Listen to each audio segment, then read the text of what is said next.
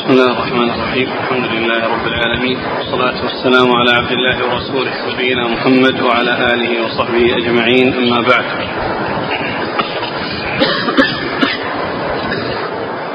قال الإمام الترمذي رحمه الله تعالى قال في جامعه في كتاب تفسير القرآن قال حدثنا في تفسير سورة الأحزاب قال حدثنا علي بن حجر قال أخبرنا داود بن الزبرقان عن داود بن أبي هند عن الشعبي عن عائشة رضي الله عنها أنها قالت لو كان رسول الله صلى الله عليه وآله وسلم كاتما شيئا من الوحي لكتم هذه الآية وإذ تقول للذي أنعم الله عليه وأنعمت عليه بالعتق فأعتقته أمسك عليك زوجك واتق الله وتخفي في نفسك ما الله مبديه وتخشى الناس والله أحق أن إلى قوله وكان أمر الله مفعولا وإن رسول الله صلى الله عليه وآله وسلم لما تزوجها قالوا تزوج حليلة ابنه فأنزل الله تعالى ما كان محمد أبا أحد من رجالكم ولكن رسول الله وخاتم النبيين. وكان رسول الله صلى الله عليه وعلى آله وسلم تبناه وهو صغير فلبث حتى صار رجلا يقال له زيد بن محمد فأنزل الله ادعوهم لآبائهم هو أقسط عند الله. فإن لم تعلموا آباءهم فإخوانكم في الدين ومواليكم. فلان مولى فلان وفلان أخو فلان. هو أقسط عند الله يعني أعدل. قال أبو عيسى هذا حديث غريب قد روي عن داود بن أبي هند عن الشعبي عن مسروق عن عائشة رضي الله عنها قالت لو كان النبي صلى الله عليه وآله وسلم كاتما شيئا من الوحي لكتم هذه الآية. وإذ تقول للذي أنعم الله عليه وأنعمت عليه الآية هذا الحرف لم يروى بطوله. قال حدثنا بذلك عبد الله بن واضح الكوفي قال حدثنا عبد الله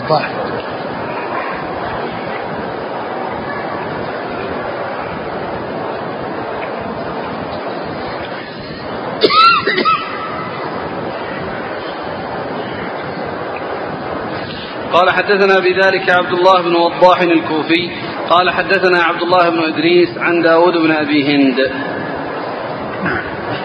قال حدثنا محمد بن أبان قال حدثنا ابن أبي عدي عن داود بن أبي هند عن الشعبي عن مسروق عن عائشة رضي الله عنها قالت لو كان النبي صلى الله عليه وعلى آله وسلم كاتما شيئا من الوحي لكتم هذه الآية وإذ تقول للذي أنعم الله عليه وأنعمت عليه الآية. قال هذا حديث حسن صحيح.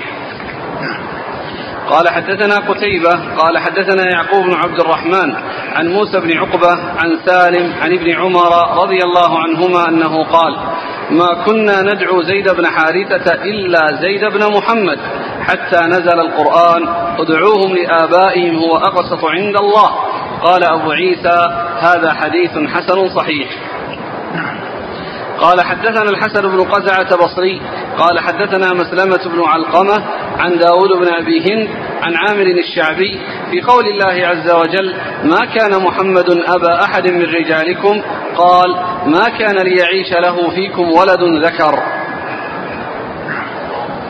قال حدثنا عبد بن حميد قال حدثنا محمد بن كثير قال حدثنا سليمان بن كثير عن حصين عن عكرمة عن أم عمارة الأنصارية رضي الله عنها أنها أتت النبي صلى الله عليه وآله وسلم فقالت ما أرى كل شيء إلا للرجال وما أرى النساء يذكرن بشيء.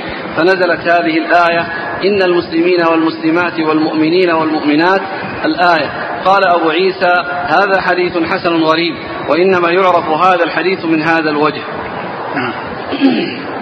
قال حدثنا أحمد بن عبدة الضبي قال حدثنا حماد بن زيد عن ثابت عن أنس رضي الله عنه أنه قال نزلت هذه الآية وتخفي في نفسك ما الله مبديه وتخشى الناس. في شأن زينب بنت جحش رضي الله عنها جاء زيد رضي الله عنه يشكو فهم بطلاقها فاستأمر النبي صلى الله عليه وعلى آله وسلم فقال النبي صلى الله عليه وآله وسلم أمسك عليك زوجك واتق الله. قال أبو عيسى هذا حديث صحيح. قال حدثنا عبد بن حميد قال حدثنا محمد بن الفضل قال حدثنا حماد بن زيد عن ثابت عن أنس رضي الله عنه أنه قال نزلت هذه الآية في زينب بنت جحش فلما قضى زيد منها وطرا زوجناكها قال فكانت تفخر على أزواج النبي صلى الله عليه وعلى آله وسلم تقول زوجكن أهلكن وزوجني الله من فوق سبع سماوات. قال أبو عيسى هذا حديث حسن صحيح. بسم الله الرحمن الرحيم. الحمد لله رب العالمين وصلى الله وسلم وبارك على عبده ورسوله نبينا محمد وعلى آله وأصحابه أجمعين أما بعد. فهذه الأحاديث تتعلق بقصة زواج النبي صلى الله عليه وسلم من زينب بنت جحش رضي الله تعالى عنها بعد أن طلقها زوجها زيد بن حارثة رضي الله تعالى عنه. وتقول عائشة رضي الله عنها لو كان النبي صلى الله عليه وسلم كاتما شيئا من القرآن لكتم هذه الآية التي فيها عتابه كونه عوتب صلى الله عليه وسلم حيث قال الله عز وجل وإذ تقول الذي أنعم الله عليه وأنعمت عليه امسك عليه زوجك واتق الله وتخفي نفسك كما الله مبديه تخشى الناس والله حق تخشاه ف فتقول لو كان النبي صلى الله عليه وسلم كاتما شيئا من القرآن لكتم هذه الآية يعني أن الرسول صلى الله عليه وسلم بلغ البلاغ المبين وأدى كل ما أمر بتبليغه.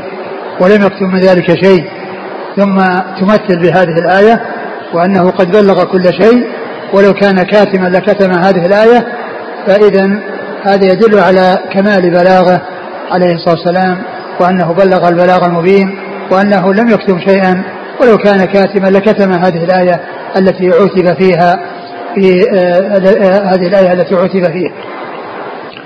وقصة آه، زيد وزينب أن زيدا رضي الله عنه كان في الجاهلية رقيقا فاشتراه النبي صلى الله عليه وسلم واعتقه وكان يقال له زيد بن محمد على ما هو معروف في الجاهلية من التبني وأن الشخص ينسب إلى من تبناه.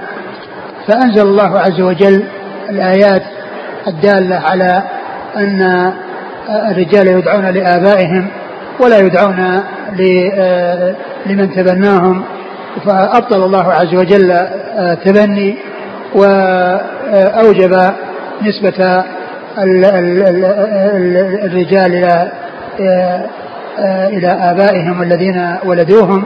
وإذا لم يعرف آباؤهم فإنه آه، يقال أخو فلان أو مولى فلان. يعني من غير أن يكون هناك آه، نسبة إلى أبوة وإنما النسبة للأبوة إنما تكون خاصة بالآباء الذين ولدوهم.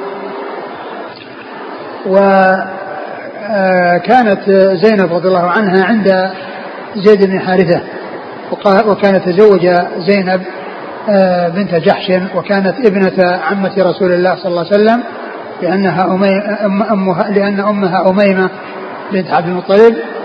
وكان بقيت معه سنة أو أكثر من سنة وكان بينه وبينها شيء و وقد يكون النبي صلى الله عليه وسلم علم بالذي بينهما ووقع في نفس النبي صلى الله عليه وسلم أنه يتزوجها لو تركها زيد وقد جاء زيد إلى الرسول صلى الله عليه وسلم يستشيره في آه، طلاق زوجته التي بينه وبينها شيء والرسول صلى الله عليه وسلم آه، أمره بأن يمسكها وأن يتقي الله عز وجل في جميع أموره وفي معاملته إياها ثم إنه آه، طلقها وبعد ذلك زوجها الله عز وجل إياه من فوق سبع سماوات وكانت تفتخر على أمهات المؤمنين وتقول زوجكن أهاليكن وزوجني الله من فوق سبع سماوات ولما نزلت هذه الآية عليه صلى الله عليه وسلم آه، دخل عليها وكان آه، الذي الذي زوجها الله الذي زوجها إياه هو الله عز وجل فلم تحتاج إلى ولي ولم تحتاج إلى مهر وإنما كان عليه الصلاة والسلام بإنزال القرآن عليه وأنه زوجها إياه كان ذلك هو تزوجه إياها ودخوله عليها بذلك صلوات الله وسلامه وبركاته عليه. ولما تزوجها تحقق بذلك آه، آه، الشيء الذي كان عند الجاهلية من أن أن أن أنه لا لا يتزوج بزوجة الابن المتبنى فكان آه، هذا إبطالا لما كان معروفا في الجاهلية وأنه لا بأس بزوجة بتزوج زوجة المتبنى وإنما الذي يمتنع منها زوجة الابن من الصلب ولهذا قالوا أو قال يعني كثير من العلماء في قول الله عز وجل وحلائل أبنائكم الذين من أصلابكم قيل إنها تخرج الإبن بالتبني ولا تخرج الإبن من الرضاع وإنما المقصود منها إخراج الإبن الذي يتبنى فإن ذلك لا يمنع من من من من, من زواجه بل آه يعني هذا الحدث العظيم الذي هو تزويج النبي صلى الله عليه وسلم تزوج النبي صلى الله عليه وسلم بزينب وتزويجه إياها من فوق سبع سماوات يعني واضح الدلالة على إبطال هذا الشيء الذي كانوا ألفوه في الجاهلية وكانوا يعتقدونه في الجاهلية وأن الرجل ليس له أن يتزوج ابنة امرأة زوجه امرأة مولاه الذي الذي الذي تبناه فإنه لا يجوز له أن فإنه يجوز له أن يتزوجها وإنما المنع إنما هو من الذي جاء من الصلب. ثم الحديث الذي ذكره الترمذي بين هذه الأحاديث وهو المتعلق بقول أم عمارة إن أن, أن, أن, أن الذكر إنما هو للرجال وأن النساء لا يذكرن فأنزل الله عز وجل إن مسلمين ومسلمات ومؤمنين ومؤمنات وقد ذكر عشر صفات ذكر فيها الرجال وذكر فيها النساء. ومن المعلوم أن الخطاب آه، آه، يكون للرجال وتدخل فيه فيه الإناث إلا إذا جاء شيء آه، يختص بالرجال عن النساء أو جاء شيء تختص به النساء عن الرجال. وإلا فإن الأصل أن الخطاب للرجال هو خطاب للنساء وما طلب من الرجال مطلوب من النساء. ولهذا جاء في القرآن ذكر النساء من يعني من جمع المذكر السالم من جمع المذكر كما قال الله عز وجل عن مريم وكانت من القانتين وكانت من القانتين. وقال عن بلقيس وإنها كانت من قوم كافرين. وجاء في آخر سورة النساء قول الله عز وجل فإن كانوا إخوة رجالا ونساء. فإن كلمة إخوة جاء بعدها رجالا ونساء. فلا يقال إن إخوة إنها خاصة بالرجال دون النساء فإنها تكون للرجال والنساء. كما جاء في هذه الآية فإن كانوا إخوة رجالا ونساء فكلمة الإخوة وإن كان لفظها يعني يتبادر منه التذكير فإنها تغني عن الأخوات. يعني مع لا يلزم أن يؤتى بالأخوات مع الإخوة لأن الإخوة تطلق على الذكور الذكور الذكور والإناث لأنه تعالى قال فإن كانوا إخوة رجالا ونساء. فإن كانوا إخوة رجالا ونساء فللذكر مثل حظ الأنثيين. نعم.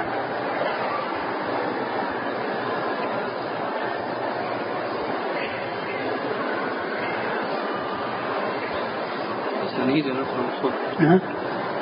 الأسانيد أو المتون ونقرأ الأسانيد أو المتون. آه، آه، أقرأ الأسانيد. أقرأ المتون إذا كان فيها شيء. نعم. الحديث الأول لو كان صلى الله عليه وسلم كاتما شيئا من الوحي لكتم هذه الآية. هذا تكرر في جميع الأحاديث لأن هذا المقدار جاء في الأحاديث التي جاءت في قصة زينب وفيها أن النبي صلى الله عليه وسلم بلغ البلاغ المبين ولم يكتم شيئا ولو كان كاتما لكتم هذه الآية. نعم. وإذ تقول الذي أنعم الله عليه وأنعمت عليه بالعتق فاعتقه. أنعمت عليه أنعم الله عليه وأنعمت عليه. أنعم الله عليه بالإسلام وأنعمت عليه بالعتق. ولهذا يعني يضاف أضيفت النعمة إلى الله عز وجل أو الإنعام إلى الله عز وجل وإلى الرسول صلى الله عليه وسلم. فأضيف إلى الله عز وجل الإنعام بالإسلام والهداية والخروج من الظلمات إلى النور وإلى الرسول صلى الله عليه وسلم بالإحسان إليه وإعتاقه. وهذا يدل على أنه يجوز آه، أن يضاف إلى المخلوق ما يناسبه. أما الذي لا يناسب وإنما يعني يختص بالله فإنه يضاف إلى الله وحده مثل الحسد كما قال الله عز وجل ولو انهم رضوا ما أتاهم الله ورسوله وقالوا حسبنا الله سيؤتينا الله من فضله ورسوله. فأضاف الإيتاء والإغناء إلى الرسول إلى الله وإلى الرسول وأما الحسب فأضافه إليه. وأما الحسب فأضافه إليه وحده لأن الحسب معنى الكفاية وأن الله تعالى هو الذي يكفي وهو الذي آه، يعول عليه وهو الذي يفزع إليه هذا اختص به سبحانه وتعالى. وأما ذكر الإغناء وذكر الإيثاء وكذلك ذكر الإنعام في هذه الآية التي معنا فقد أضيف إلى إلى الله عز وجل وأضيف إلى غير الله عز وجل ما ما يحصل منه وهو ومناسبة ونسبته إليه آه، ظاهرة. وإن كان كل شيء هو من الله عز وجل لأنه هو الموفق لحصول ذلك الإحسان ولحصول ذلك الأنعام لمن حصل له و آه، فالفضل يرجع إلى الله أولا وآخرا. لأن إنعام الرسول صلى الله عليه وسلم على زيد بالعتق إنما هو من الله سبحانه وتعالى هو الذي تفضل به. وهو الذي جعل زيدا يفعل جعل الرسول صلى الله عليه وسلم يفعل هذا الفعل. وأن و فلله الفضل أولا وآخرا وهو المنعم المتفضل أولا وآخرا ولكنه يضاف إلى المخلوق ما يمكن إضافته إليه مما لا بأس به مثل هذه الأحوال. وأما ما لا يضاف إلا الله إلا إلى الله عز وجل فإنه لا ينسب إلى المخلوقين مثل الحسب فإن هذا يختص بالله سبحانه وتعالى ولا يضاف إلى غيره.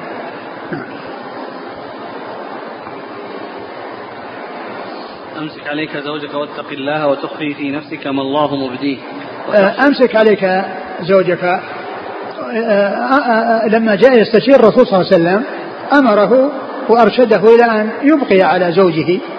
وإن كان يعني وقع في نفسه أنه لو لو كان طلقها أنه يتزوجها فإن فإن الرسول صلى الله عليه وسلم نصحه وأرشده إلى ما هو المناسب في حقه وهو بقاء الزوجية والصبر على ما يحصل من مما يجري بين الأزواج من الاختلاف وأن بقاء الزوجية مهما أمكن فإن هذا هو المطلوب وأن المستشير وأن المستشار يشير على المستشير بما يرى أن فيه المصلحة له وبما يرى أنه الأولى والمناسب له.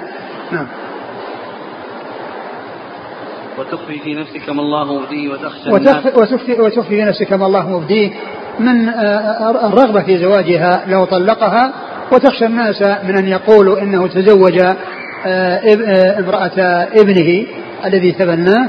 فإن الله عز وجل أبطل هذا الشيء الذي كان الناس قد ألفوه وقد عرفوه وأن هذا حكم انتهى وأن الله عز وجل نسخ آه، أو آه، بين آه، إبطال ذلك الشيء الذي كانوا عليه في الجاهلية نعم.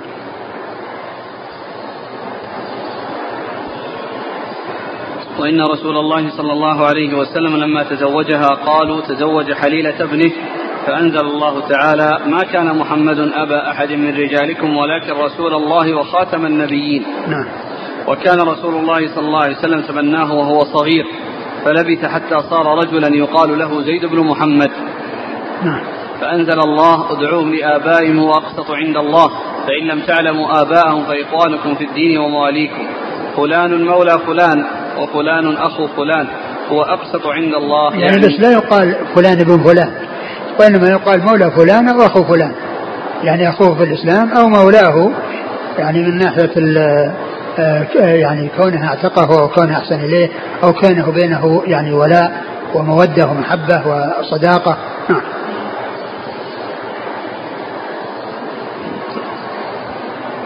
الحديث الثاني. كذلك لو كان صلى الله عليه وسلم كاتبا شيء واحد لكتم هذه الآية. الحديث الثالث ما كنا ندعو زيد بن حارثة إلا زيد بن محمد حتى نزل القرآن ادعوهم لآبائهم واقسط عند الله. يعني هذا الشيء الذي كانوا اعتدوه في الجاهلية فبقوا عليه حتى جاء القرآن بمنع ذلك فتركوه. نعم. الحديث الرابع ما كان محمد أبا أحد من رجالكم ما كان ليعيش له فيكم ولد ذكر. هذا غير مستقيم وغير واضح وهذا أثر عن الشعبي نعم. نعم. لأن الآية المقصود لها أنها آه، أن هذا الذي كان معروف بالجاهلية من نسبة الإبن المتبنى إلى من تبناه آه، فالرسول صلى الله عليه وسلم ما كان أبا لأحد من الرجال آه، وإنما الأبوة في الحقيقة هي لمن كان له عليه ولادة. وأما الذي كان بهذه العادة الجاهلية فإن الرسول صلى الله عليه وسلم ما كان أبا لأحد في الحقيقة وأن ما كان من التبني في الجاهلية هذا آه، أمر آه، أبطل وجاء القرآن بقصر النسبة إلى من له عليه ولادة. نعم. يعني ليس المقصود من هذا أن أنه ما كان ليعيش له ولد. يعني هذا تحصيل حاصل. نعم. يعني الذي حصل أنه ما عاش له ولد. لكن لا يقال من القرآن أن هذا هو المقصود بهذه الآية وأن الرسول ما كان ليعيش له ولد. نعم. لأن هذا يخالف النصوص الأخرى التي دلت على أن المقصود بذلك هو آه الابن بالتبني. نعم.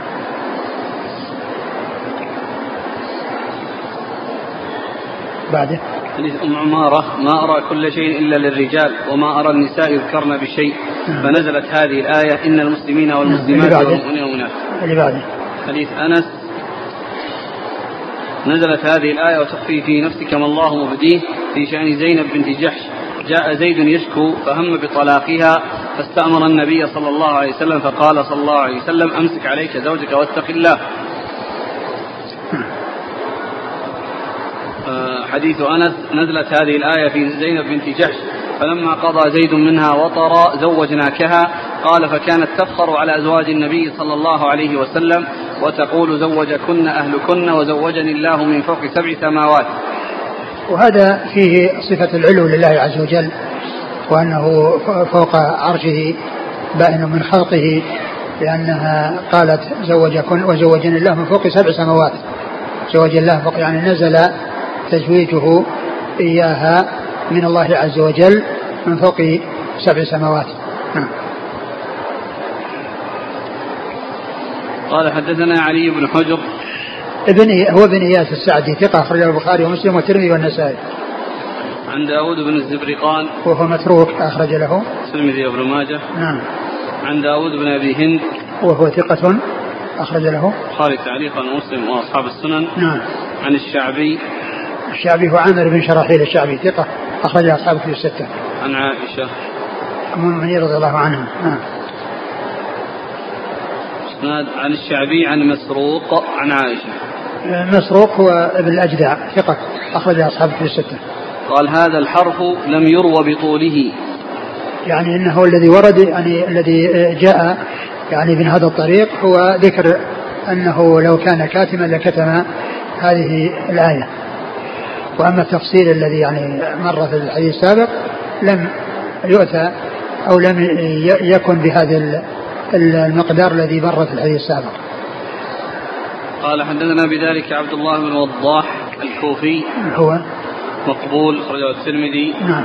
عن عبد الله بن إدريس. هو الأودي ثقة أخرج أصحابه في الستة. قال حدثنا محمد بن أبان. هو ثقة أخرج البخاري وأصحاب السنن. نعم. عن ابن أبي عدي. وهو محمد بن إبراهيم ثقة أخرج أصحابه في الستة. ثم قال حدثنا قتيبة. قتيبة بن سعيد ثقة أخرج أصحابه في الستة. عن يعقوب بن عبد الرحمن. وهو ثقة أخرج أصحاب الكتب إلا ابن ماجه. نعم. عن موسى بن عقبة. ثقة أخرج أصحاب في الستة. عن سالم. سالم بن عبد الله بن عمر ثقة أخرج أصحاب في الستة. عن ابن عمر. عن أبي عبد الله بن عمر رضي الله عنهما. أحد العبادة الأربعة واحد السبع المكثرين من حديث رسول الله صلى الله عليه وسلم. قال حدثنا الحسن بن قزعة. هو؟ صدوق وله الترمذي والنسائي بن ماجه. نعم. عن مسلمة بن علقمة. وهو صدوق له أوهام. له مسلم وأبو داود فضائل الأنصار والترمذي والنسائي بن ماجه. نعم. عن عن؟ ثم عن داود بن أبي هند عن عامر الشعبي. نعم. قال حدثنا عبد بن حميد ثقة أخرجه البخاري تعليقا ومسلم والترمذي عن محمد بن كثير. وهو ثقة أخرج أصحابه في الستة. عن سليمان بن كثير. وهو لا بأس به. غير الزهري أخرجه أصحاب الكتب. نعم. عن حصين حسين بن عبد الرحمن ثقة أخرج أصحاب كتب الستة. عن عكرمة. مولى بن عباس ثقة أخرج أصحاب كتب الستة. عن أم عمارة الأنصارية. أخرج لها. أصحاب السنن. نعم. قال حدثنا أحمد بن عبدة الضبي. ثقة أخرج أصحاب كتب الستة إلا البخاري نعم. عن حماد بن زيد. ثقة أخرجه البخاري تعليقا ومسلم وأصحاب السنن. حماد بن زيد. حماد بن زيد ثقة أخرج أصحاب كتب الستة. عن ثابت عن أنس. ثابت بن أسلم البناني ثقة أخرج أصحاب كتب الستة. أنس بن مالك رضي الله عنه خادم الرسول صلى الله عليه وسلم وأحد السبع المكثرين من حديثه. قال حدثنا عبد بن حميد عن محمد بن الفضل. آه هو عارم وهو ثقة أخرج له. أصحاب الكتب. نعم. انتهت الأسانيد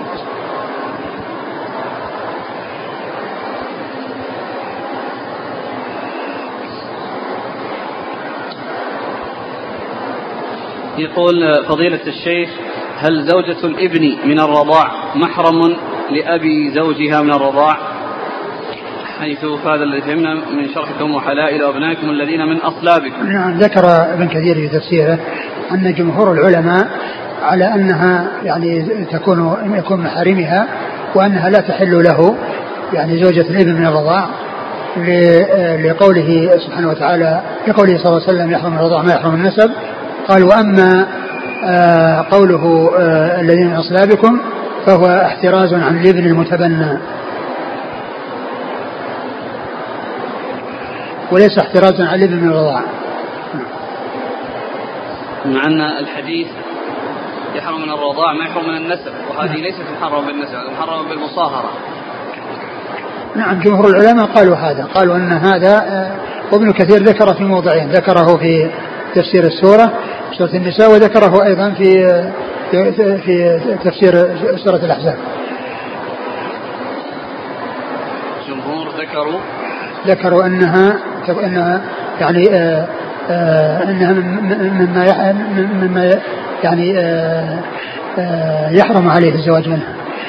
وقالوا أن المنع إنما هو في الإبن المتبنى يعني حلائل وأبنائكم الذين أصلابكم يعني حلائل وأبناء وحلائل وأبنائكم الذين من أصلابكم يعني أن هذا التحريم يعني المنع إنما هو في الابن المتبنى وأما الابن من الرضاء من التبني فهو الذي تخرجه هذه الآية. هذه الآية لا تخرج الابن من الرضاع. لا تخرج زوجة الابن من الرضاع وإنما تخرج آه، يعني آه، الابن المتبنى يعني معناه أن ذاك يعني يجوز آه، الزواج منها الذي هو المتبنى ولا يجوز الزواج من ابن من ابن من, من زوجة الإبن من النسب من من, من الرضاعة. لكن يبقى الجواب على الحديث.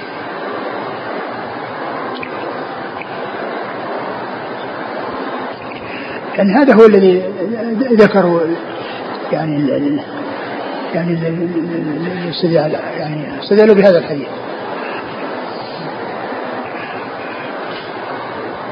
يعني قال يحرم من الرضاعة ما يحرم من النسل يحرم من الرضاعة ما يحرم من النسل فكما أن الزوجة من آه، آه، زوجة الإبن من النسب آه، لا تحل فكذلك زوجة الإبن من الرضاعة لا تحل. يقول إذا عقد الإبن على امرأة ثم طلقها ولم يدخل بها هل تصبح محرما للأب؟ إذا عقد الابن على نعم امرأة نعم. عقد. نعم بمجرد العقد. يعني الابن لو عقد وكذلك الأب لو عقد كل واحد منهما بمجرد العقد يعني آه لا تحل آه للآخر.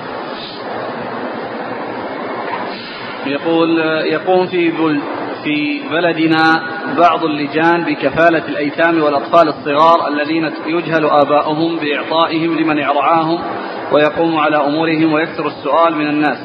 هل يجوز أن يعطى هذا الطفل لقب العائلة التي تكفله بقصد آه، تسوية أوراقه فقط دون تبنيه لا ما يعطى. أقول ما يعطى لأن لأن حتى لو يعني ذكر من العائلة يعني معناه أنه منسوب للعائلة مع أنه ليس منها.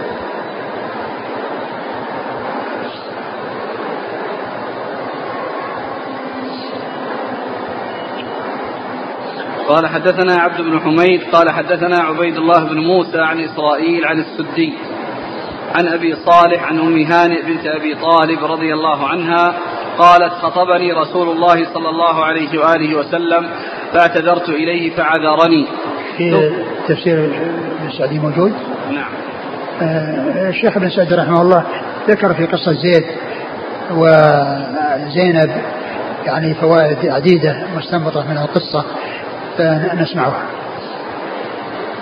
قال رحمه الله تعالى وفي هذه الآيات المشتملات على هذه القصة فوائد منها الثناء على زيد بن حارثة وذلك من وجهين أحدهما أن الله سماه في القرآن ولم يسم من الصحابة باسمه غيره.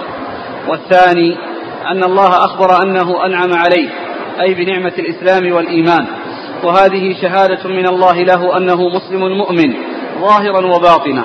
وإلا فلا وجه لتخصيصه بالنعمة إلا أن المراد بها النعمة الخاصة. ومنها أن المعتق في نعمة المعتق ومنها جواز تزوج زوجة الدعي كما صرح به. ومنها أن التعليم الفعلي أبلغ من القولي خصوصا إذا اقترن بالقول فإن ذلك نور على نور. ومنها أن المحبة التي في قلب العبد لغير زوجته ومملوكته ومحارمه إذا لم يقترن بها محذور لا يأتم عليها العبد. ولو اقترن بذلك أمنيته أن لو طلقها زوجها لتزوجها من غير أن يسعى في فرقة بينهما أو يتسبب بأي سبب كان لأن الله أخبر أن الرسول صلى الله عليه وسلم أخفى ذلك في نفسه. ومنها أن الرسول صلى الله عليه وسلم قد بلغ البلاغ المبين فلم يدع شيئا مما أوحي إليه إلا وبلغه حتى هذا الأمر الذي فيه عتابه. وهذا يدل على أنه رسول الله ولا يقول إلا ما أوحي إليه ولا يريد تعظيم نفسه. ومنها أن المستشار مؤتمن يجب عليه إذا استشير في أمر من الأمور أن يشير بما يعلمه أصلح للمستشير ولو كان له حظ, حظ نفس بتقدم مصلحة المس ولو كان له حظ نفس بتقدم مصلحة بتقديم يمكن. في في نسخة. في نسخة. لتقديم؟ نعم. نعم. في نسخة فيقدم. لا ما في. في تقدم نسخة والأخرى نسخة ثانية فيقدم مصلحة المستشير. نعم ماشي. فيقدم ماشي. آه إذا أن المستشار مؤتمن. يجب عليه إذا استشير في أمر من الأمور أن يشير بما يعلمه أصلح للمستشير. ولو كان له حظ نفس فيقدم مصلحة المستشير على هوى نفسه وغرضه. نعم. ومنها أن من الرأي الحسن لمن استشار في فرقة زو... في فراق زوجة أن يؤمر بإمساكها مهما أمكن صلاح الحال فهو أحسن من الفرقة. ومنها أنه يتعين أن يقدم العبد خشية الله على خشية الناس وأنها أحق منها وأولى ومنها فضيلة زينب رضي الله عنها أم المؤمنين حيث تولى الله تزويجها من رسوله صلى الله عليه وسلم من دون خطبة ولا شهود. ولهذا كانت تفتخر بذلك على أزواج رسول الله صلى الله عليه وسلم وتقول زوجكن أهليكن وزوجني الله من فوق سبع سماوات. ومنها أن المرأة إذا كانت ذات زوج لا يجوز نكاحها ولا السعي فيه وفي أسبابه حتى يقضي زوجها وطره منها ولا يقضي وطره حتى تنقضي عدتها لأنها قبل انقضاء عدتها وهي في عصمته أو في حقه الذي له وطر إليها ولو من بعض الوجوه. نعم. نعم.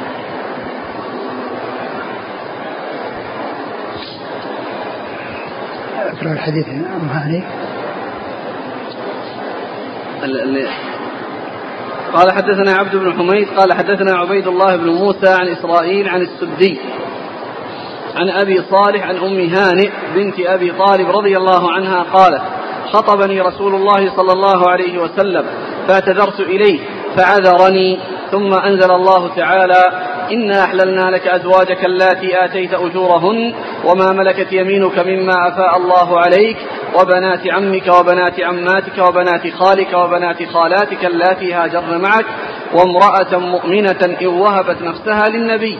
الآية قالت فلم أكن أحل له لأني لم أهاجر كنت من الطلقاء. قال أبو عيسى هذا حديث حسن صحيح لا أعرفه إلا من هذا الوجه من حديث السدي.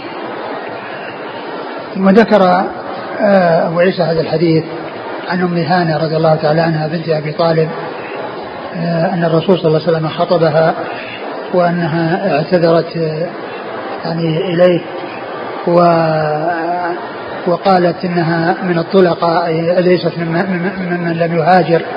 مع رسوله صلى الله عليه وسلم.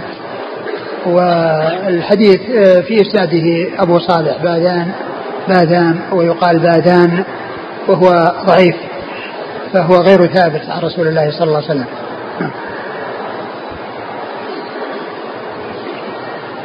قال حدثنا عبد بن حميد عن عبيد الله بن موسى. هو ثقة أخرج أصحابه في الستة. عن إسرائيل. هو ثقة أيضا أخرج أصحابه في الستة. عن السدي. وهو عبد الله وهو إسماعيل بن عبد الرحمن. وهو ثقة أخرج له. صدوق يهم أخرجه نعم. مسلم وأصحاب السنن. نعم. عن أبي صالح. وهو بادام أو بادان. وهو ضعيف أخرج له. أصحاب السنن. نعم. عن أم هانئ. أم هانئ رضي الله عنها أخرجها أصحاب في الستة.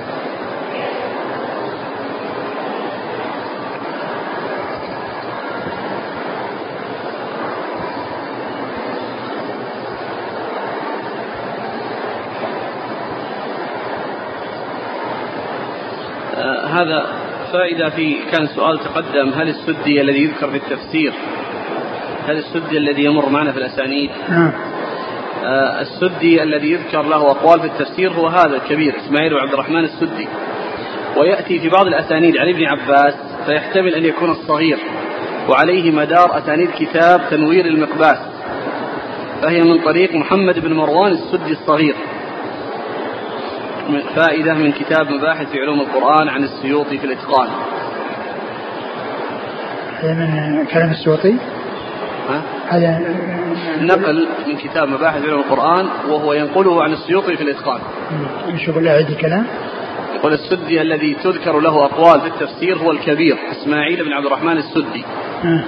أما ما يأتي في الأسانيد عن ابن عباس فيحتمل أنه هو الصغير وعليه مدار أسانيد كتاب تنوير المقباس. فهي من طريق محمد بن مروان السدي الصغير.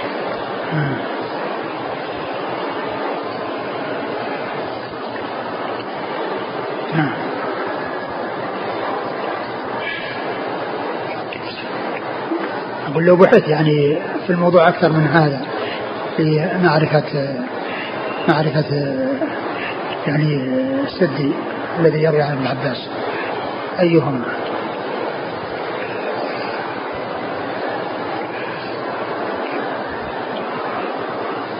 تنوير المقباس يعني المقباس يعني ابن عباس ما ما ثبت له تفسير و وهذا الاسم هذا يعني قيل انه آه، وضع على آه، وصية النبي لابن عباس اللي هو شرع اللي هو حديث احفظ الله يحفظك.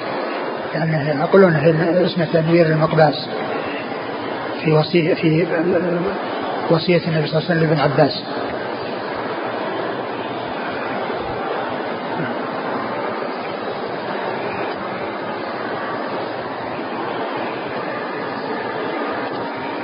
ما أدري هل اسم يعني الاسم هذا لهذا ولهذا أو أو أو, أو لهما جميعا.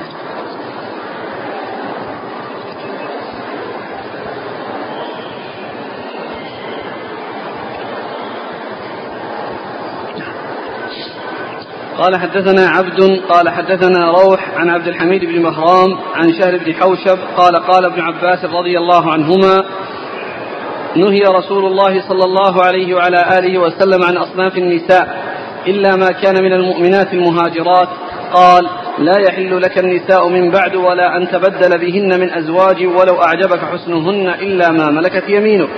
فأحل الله فتياتكم المؤمنات. وامرأة مؤمنة إن وهبت نفسها للنبي وحرم كل ذات دين غير الإسلام. ثم قال ومن يكفر بالإيمان فقد حبط عمله وهو في الآخرة من الخاسرين. وقال يا أيها النبي إنا أحللنا لك أزواجك اللاتي آتيت أجورهن وما ملكت يمينك مما أفاء الله عليك. إلى قوله خالصة لك من دون المؤمنين وحرم ما سوى ذلك من أصناف النساء. قال أبو عيسى هذا حديث حسن. إنما نعرفه من حديث عبد الحميد بن بهرام. قال سمعت أحمد بن الحسن يقول قال أحمد بن حنبل لا بأس بحديث عبد الحميد بن بهرام عن شهر بن حوشب.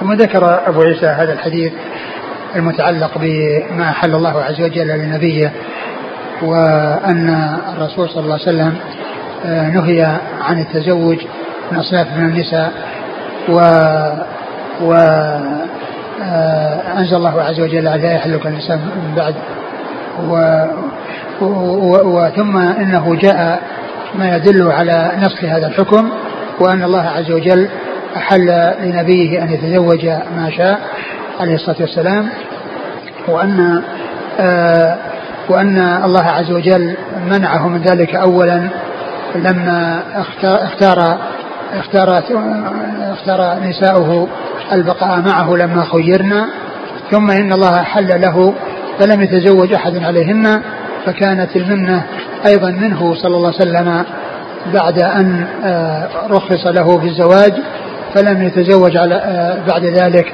فصار آه، الله عز وجل اولا منعه من التزوج إكراما لهن ثم إنه أباح له التزوج ما شاء فلم يتزوج صلى الله عليه وسلم بعد ذلك فكان أيضا له منة عليهن بذلك صلوات الله وسلامه وبركاته عليه. نعم. قال حدثنا عبد عن روح روح بن عبادة ثقة أخرج أصحابه في الستة. عن عبد الحميد بن بهرام. عبد الحميد بن بهرام آه هو؟ صدوق خالد المفرد نعم. الترمذي وابن ماجه. نعم وعن شر بن حوشب وهو صدوق كثير التدليس كثير. الإرسال والأوهام. نعم كثير يعني ففي إسناده شهر بن حوشب وهو كثير الإرسال والأوهام. نعم. صلى له البخاري المفرد ومسلم وأصحاب السنن. نعم. عن ابن عباس. نعم.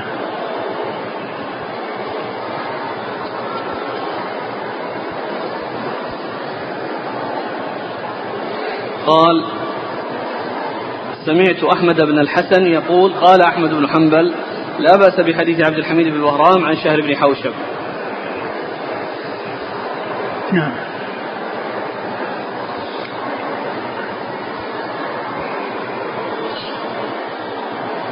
هذا أرسل فائدة في عن كتاب تنوير المقباس. يقول هو من جمع الفيروز أبادي. جمع إيش؟ جمع جمعه الفيروز أبادي جمع مرويات ابن عباس في التفسير. وغالبها من طريق السد الصغير. محمد بن مروان.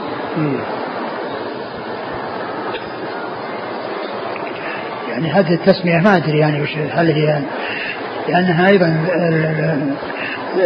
ذاك بالرجب يعني. مطبوع على حدة اللي هو وإن كان موجود ضمن الأربعين النووية لأنه الحديث التاسع عشر الأربعين النووية. ولكنها آه، مطبوع على حدة وعنوان تنوير المقباس في في شرح وصية النبي صلى الله عليه وسلم لابن عباس نعم. ما أدري هل هو ماخوذ من الكتاب وموضوع الاسم خاصة أو إنها أو إنها يعني ألفه مستقلا لا أدري.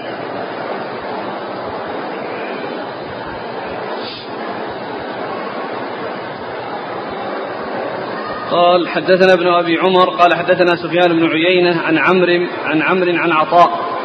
قال قالت عائشة رضي الله عنها ما مات رسول الله صلى الله عليه وآله وسلم حتى أحل له النساء. قال أبو عيسى هذا حديث حسن. نعم يعني كما ذكرت آه، الرسول صلى الله عليه وسلم يعني آه، أحل منع من النساء والتزوج على أمهات المؤمنين وأنه لا يحل له ذلك ولو أعجبه حسنهن إلا ما ملكت يمينه. وبعد ذلك كما جاء في الحديث عن عائشة لم يمت رسول الله صلى الله عليه وسلم حتى أحل له النساء يعني تزوج ما شاء ولكنه لم يتزوج بعد ذلك. فكان آه، آه، كانت المنة لله عز وجل أولا على أمهات المؤمنين بأن أكرمهن بعدم زواج النبي صلى الله عليه وسلم على أحد بعدهن ثم الله أباحه ذلك فلم يتزوج فحصلت المنة أيضا من رسول الله صلى الله عليه وسلم عليهن. الأول منع؟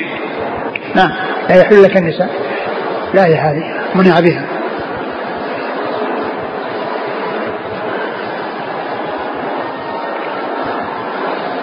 لكن الله تبارك وتعالى يعني ذكر الأصناف.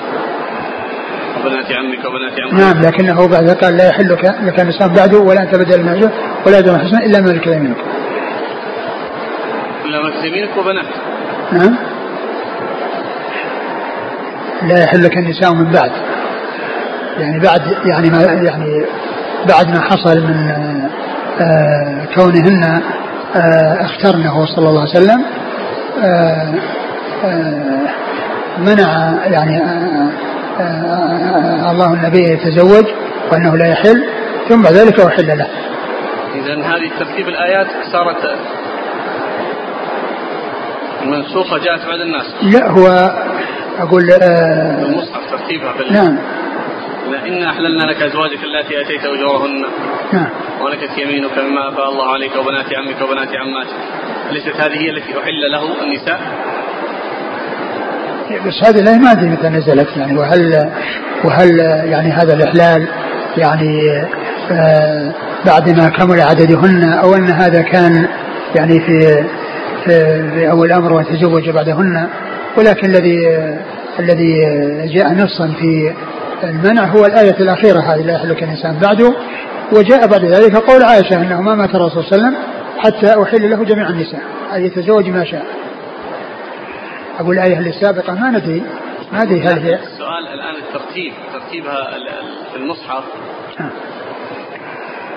يعني الآن الترتيب كما هو معلوم آه إن يا أيها الذين احلوا أزواجك هذه متقدمة.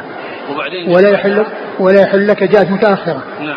ولكن هل الآية المتقدمة يعني جاءت بعد اكتمال زواج النبي صلى الله عليه وسلم بزوجاته التسع الذي مات عنهن أو أنه كان قبل ذلك وأنه تزوج ببعضهن بعد ذلك. و والآية جاءت بعد ذلك في منعه من أن يتزوج على على زوجاته.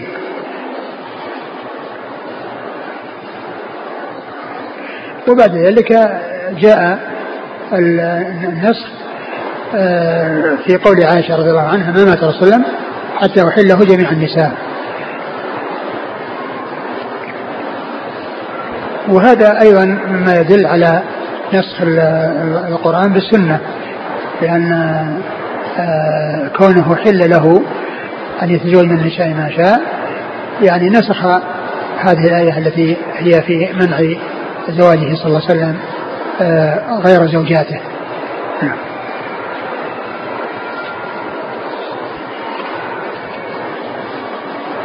قال حدثنا ابن أبي عمر هو العدني ثقة صدوق أخرجه أخرجه مسلم والترمذي والنسائي بن ماجه.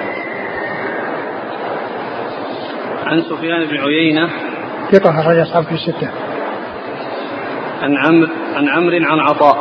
عمرو بن دينار ثقة أخرج أصحاب في الستة وعطاء بن أبي رباح ثقة أخرج أصحاب في الستة. عائشة.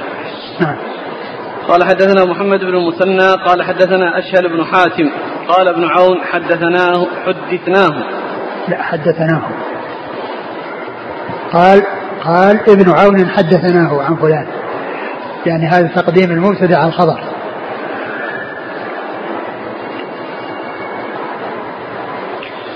قال قال. يعني قال ابن عون حدثناه.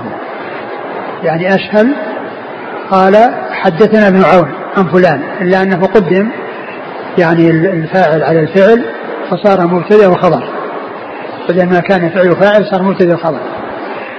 هذا يأتي في بعض الأسانيد تقديم الفعل على الفاعل فيصير مبتدأ وهذا يعني يأتي عن شعبة يعني في مواضع متعددة.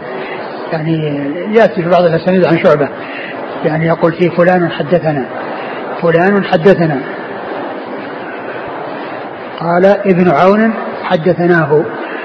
يعني الذي قال هو أشهل و آه الذي قال حدثنا آه هو أشهل عن آه ابن عون عن فلان الذي بعده الذي فوقه نعم. قال حدثنا محمد بن المثنى قال حدثنا أشهل بن حاتم قال ابن عون حدثناه عن قال قال ابن عون حدثناه. نعم. قال ابن عون حدثناه عن عمرو بن سعيد عن أنس بن مالك رضي الله عنه قال كنت عند النبي صلى الله عليه وسلم فأتى باب امرأة عرس بها فإذا عندها قوم فانطلق فقضى حاجته واحتبس فرجع وقد خرجوا.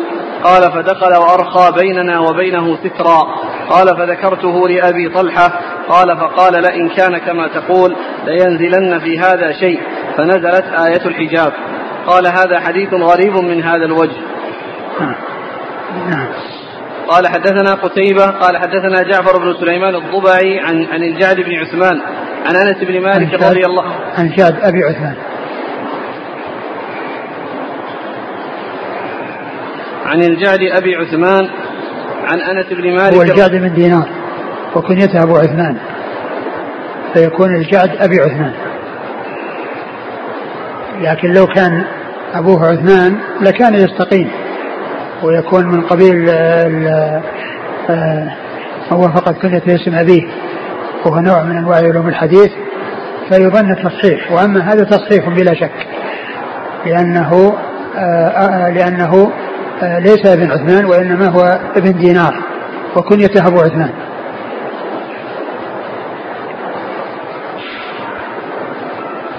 عن الجعد أبي عثمان عن أنس بن مالك رضي الله عنه قال تزوج رسول الله صلى الله عليه وسلم فدخل بأهله.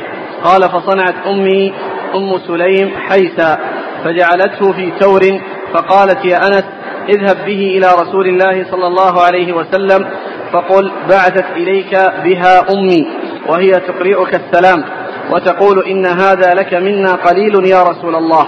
قال فذهبت بها إلى رسول الله صلى الله عليه وسلم فقلت إن أمي تقرئك السلام وتقول إن هذا منا لك قليل.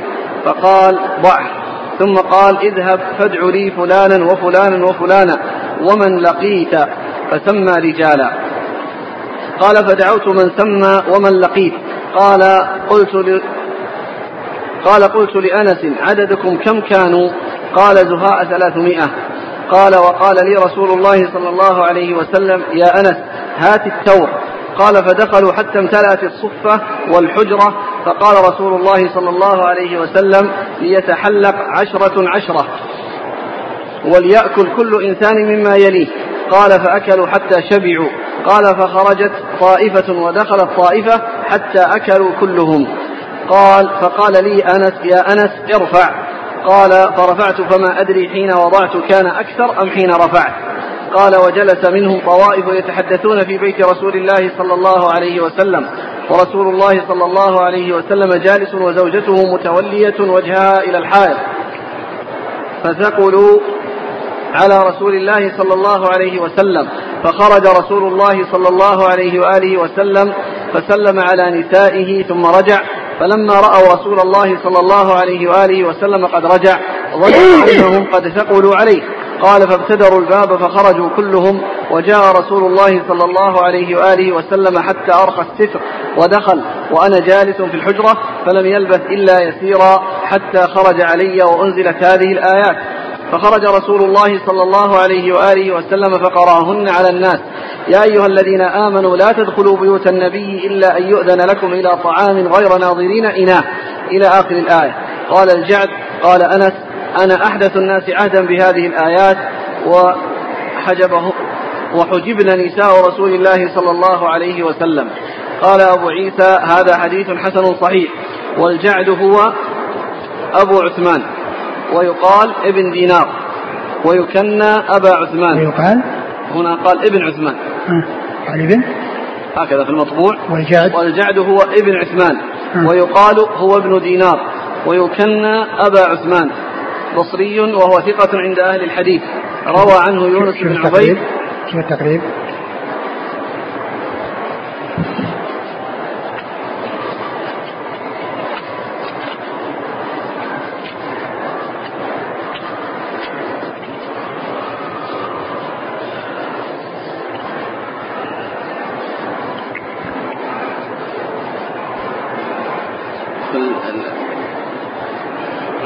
جعد بن دينار اليشكري أبو عثمان الصيرفي البصري صاحب نعم. الحلي أو الحلي. الحلي نعم. بضم المهملة ثقة من الراوي.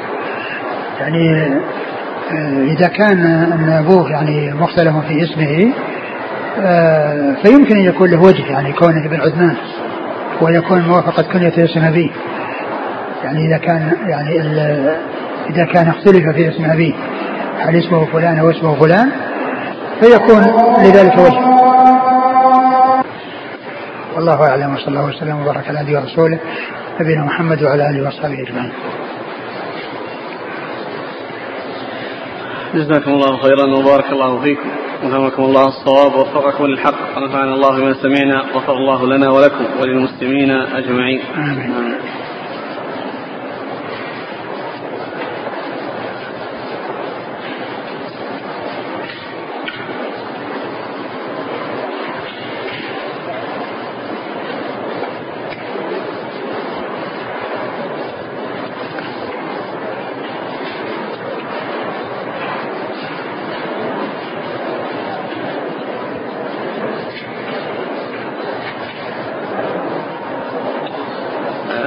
الأخ يفيد أن هذا الرجل أبو عثمان الجعد. مر معنا في حديث 2831 2000 2800 نعم 31 نعم قال الترمذي رحمه الله باب ما جاء في يا بني من كتاب الأدب. نعم قال حدثنا محمد بن عبد الملك بن أبي الشوارب. قال حدثنا أبو عوانة. قال حدثنا أبو عثمان شيخ له. عن أنس. وهو الجعد هذا؟ إي نعم. عن أنس أن النبي صلى الله عليه وسلم قال له يا بني. قال أبو عيسى هذا حديث حسن صحيح غريب من هذا الوجه وقد روي من من غير هذا الوجه عن أنس. وأبو عثمان هذا شيخ ثقة. وهو الجعد بن عثمان. ابن عثمان؟ ويقال ابن دينار. وهو بصري. وقد روى عنه يونس بن عبيد وغير واحد من الأئمة. لأن يعني أبوه يعني مختلف في تسميته. وهنا قال أيضا كذلك في الآخر. هنا كذلك نعم. الجعد نعم. هو ابن عثمان. ويقال هو ابن دينار ويكنى أبا عثمان. نعم. كلام أقول كلامه هنا وهناك واحد. يعني على أنه مختلف في اسمه.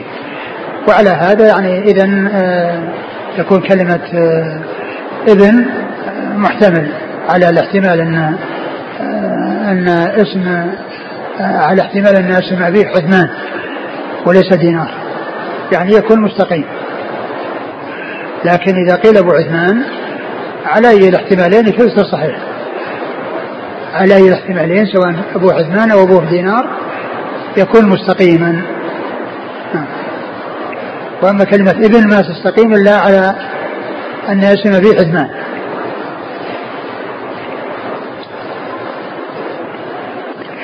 والحافظ في التقريب ما ذكر شيء عن الخلاف في اسم أبيه.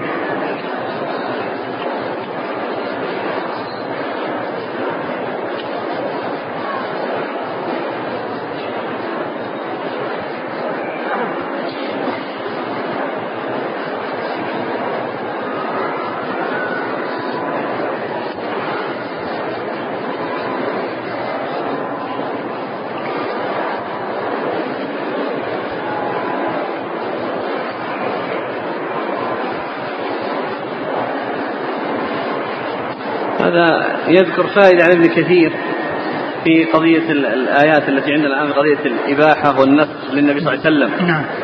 يقول أنها مثل آيات آه، عدة المتوفى عنها زوجها في في البقرة. قال ابن كثير بعد ذكر حديث عائشة ما مات رسول الله صلى الله عليه وسلم. الحديث فجعلت هذه أي وترجي من تشاء منهن. الآية ناسخة للتي بعدها في التلاوة أي لا يحل لك النساء. من بعد ولا أن تبدل بهن من أزواج. كآيتي عدة الوفاة في البقرة الأولى ناسخة للتي بعدها.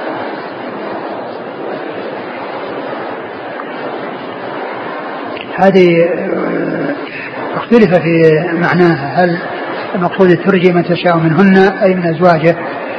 عليه الصلاة والسلام. يعني بأن آه، يعني آه، يقسم لمن شاء ويؤخر من شاء فلا يقسم له أو أنها ترجي من تشاء يعني من الواهبات. يعني آه، آه، من الواهبات يعني له أن يقبل من يريد وله أن يترك ما يريد. يعني ذكر عدة وجوه يعني ولكن على يعني هذا على أحد الاحتمالات في تفسيرها وأن المقصود من ذلك زوجاته صلى الله عليه وسلم.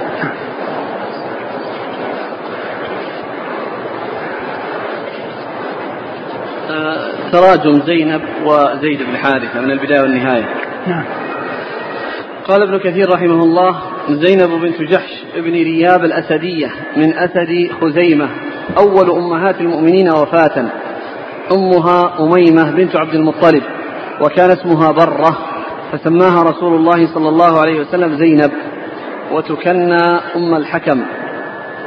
وهي التي تزوجها أو وهي التي زوجه الله بها.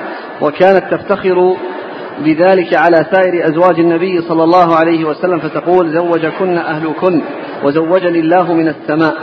قال الله تعالى فلما قضى زيد منها وطرا زوجناكها وكانت قبله عند مولاه زين زيد بن حارثة.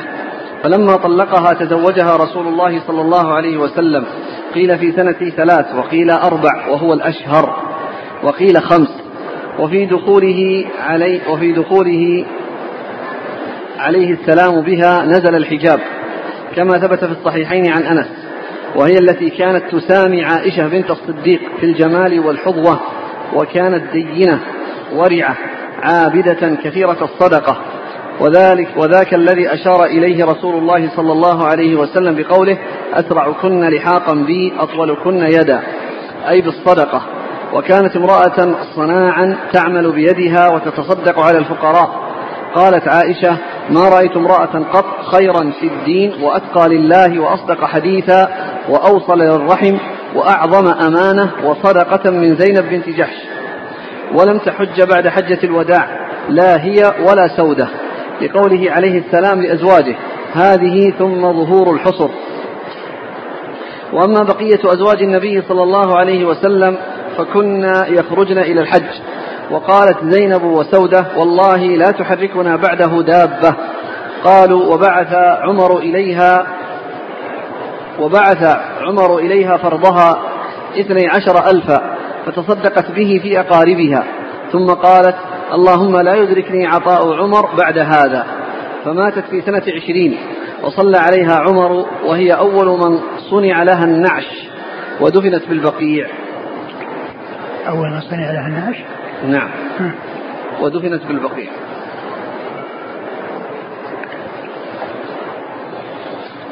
زيد بن حارثة بن شراحيل بن كعب بن عبد العزى الكلبي القضاعي مولى رسول الله صلى الله عليه وسلم وذلك أن أمه ذهبت تزور أهلها فأغارت عليهم خيل فأخذوه فاشتراه حكيم بن حزام لعمته خديجة بنت خويلد.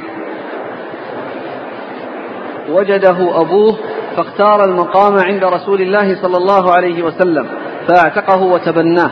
فكان يقال زيد بن محمد وكان رسول الله صلى الله عليه وسلم يحبه حبا شديدا وكان أول من أسلم من الموالي ونزل فيه آيات من القرآن منها قوله تعالى وما جعل أدعياءكم أبناءكم وقوله تعالى ادعوهم لآبائهم هو أقسط عند الله وقوله ما كان محمد أبا أحد من رجالكم وقوله وإذ تقول للذي أنعم الله عليه وأنعمت عليه أمسك عليك زوجك واتق الله وتخفي في نفسك ما الله مبديه وتخشى الناس والله أحق أن تخشاه فلما قضى زيد منها وطرا زوجناكها. أجمعوا أن هذه الآيات أنزلت فيه. والمقصود أن الله تعالى لم يسمي في القرآن غيره وهداه للإسلام وأعتقه رسول الله صلى الله عليه وسلم وزوجه مولاته أم أيمن واسمها بركة. فولد له أسامة بن زيد فكان يقال له الحب ابن الحب ثم زوجه بابنة عمته زينب بنت جحش وآخى بينه وبين عمه حمزة بن عبد المطلب وقدمه في الإمرة على ابن عمه جعفر بن أبي طالب يوم مؤتة وفي الحديث عند أحمد وقدمه في الإمرة. في الإمرة على ابن عمه جعفر بن أبي طالب يوم مؤتة. نعم. جزاكم الله خير.